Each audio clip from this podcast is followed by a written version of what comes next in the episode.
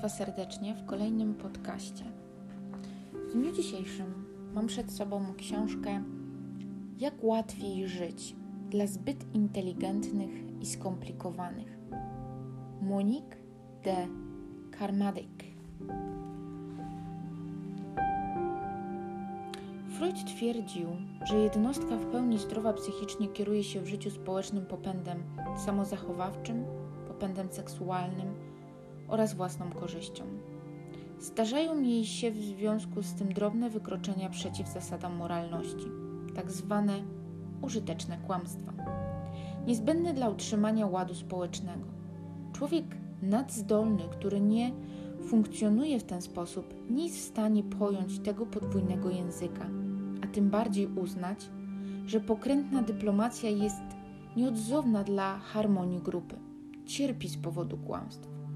Może odczuwać gniew, mówi mówić o tym w sposób otwarty, publicznie głosić swoją prawdę, ranić innych, a przez to wszystko budzić nieufność otoczenia, co z kolei predysponuje go do paranoi czy depresji. Kim, który przyszedł do mnie na konsultację, nikomu już nie ufał. Zdał sobie sprawę, że ludzie zbliżają się do niego tylko po to, aby go wykorzystać. Ograniczył więc bliskie relacje ze wszystkimi poza siostrą.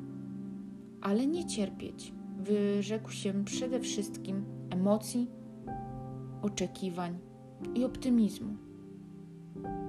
Drugi człowiek wymaga ogromnej miłości, przyjaźni, czułości, słuchania.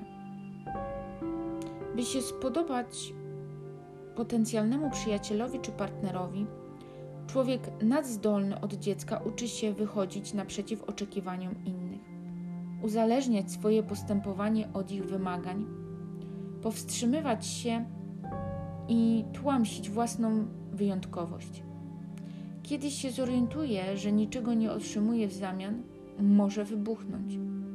Mamy dość bycia dla wszystkich miłym. Powinnam była się zbuntować, ale milczałam z obawy, że zostanę sama bez przyjaciół. Woła w moim gabinecie Mariannę. Wściekła na to, że pozwoliła się zdominować i na wszystko się zgadzała. Autentyczny z natury nas zdolny człowiek ma kłopoty z odróżnieniem relacji społecznej od przyjaźni. Cierpi z powodu rozczarowań wynikających niechybnie z, pom- z pomieszania gatunków. Nie rozumie ani powszechności, ani bezceremonialności. Oczekuje, że zostanie pokochany i rozumiany taki, jaki jest. Wymaga doskonałej, głębokiej miłości oraz idealnej, absolutnej i wyłącznej przyjaźni. W związku z tym ogromnie trudno mu znaleźć bratnią duszę. Ma tendencję do obwiniania się o swoją samotność, skłonność do samobiczowania się za nią. Tym bardziej, że postrzega ją jako wrodzoną chorobę. Zawsze czułam się samotna, nawet kiedy byłam z rodziną czy wśród przyjaciół. Miałam wrażenie, że jestem z innej planety, mówi Marianne. Jakby wyjawiła wstydliwą tajemnicę. Człowiek nadzdolny rozumie podobnie jak Einstein, że sława i pochlebstwa nie są tożsame z miłością czy zrozumieniem.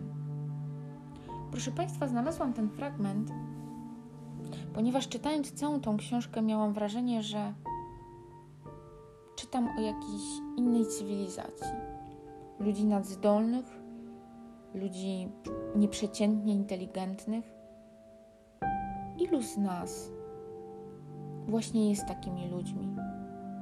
Ilu w, tych, w tym momencie słucha mojego podcastu i zaczyna się nad tym zastanawiać?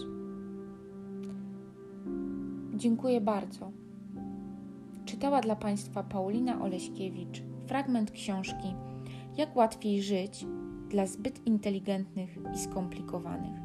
Monique de Carmedec.